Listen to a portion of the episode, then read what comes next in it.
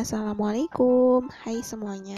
Selamat datang di podcast Bercermin, berbagi cerita meaningful. Di podcast ini, aku akan berbagi persepsi dan perspektifku, karena aku yakin segala sesuatu yang terjadi di alam semesta ini pasti karena ada alasannya, baik itu sebagai hikmah maupun pelajaran untuk menjadi pengingat bagi diri kita.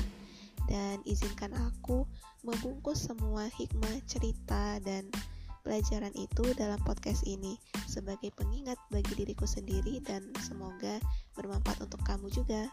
Semangat bertumbuh!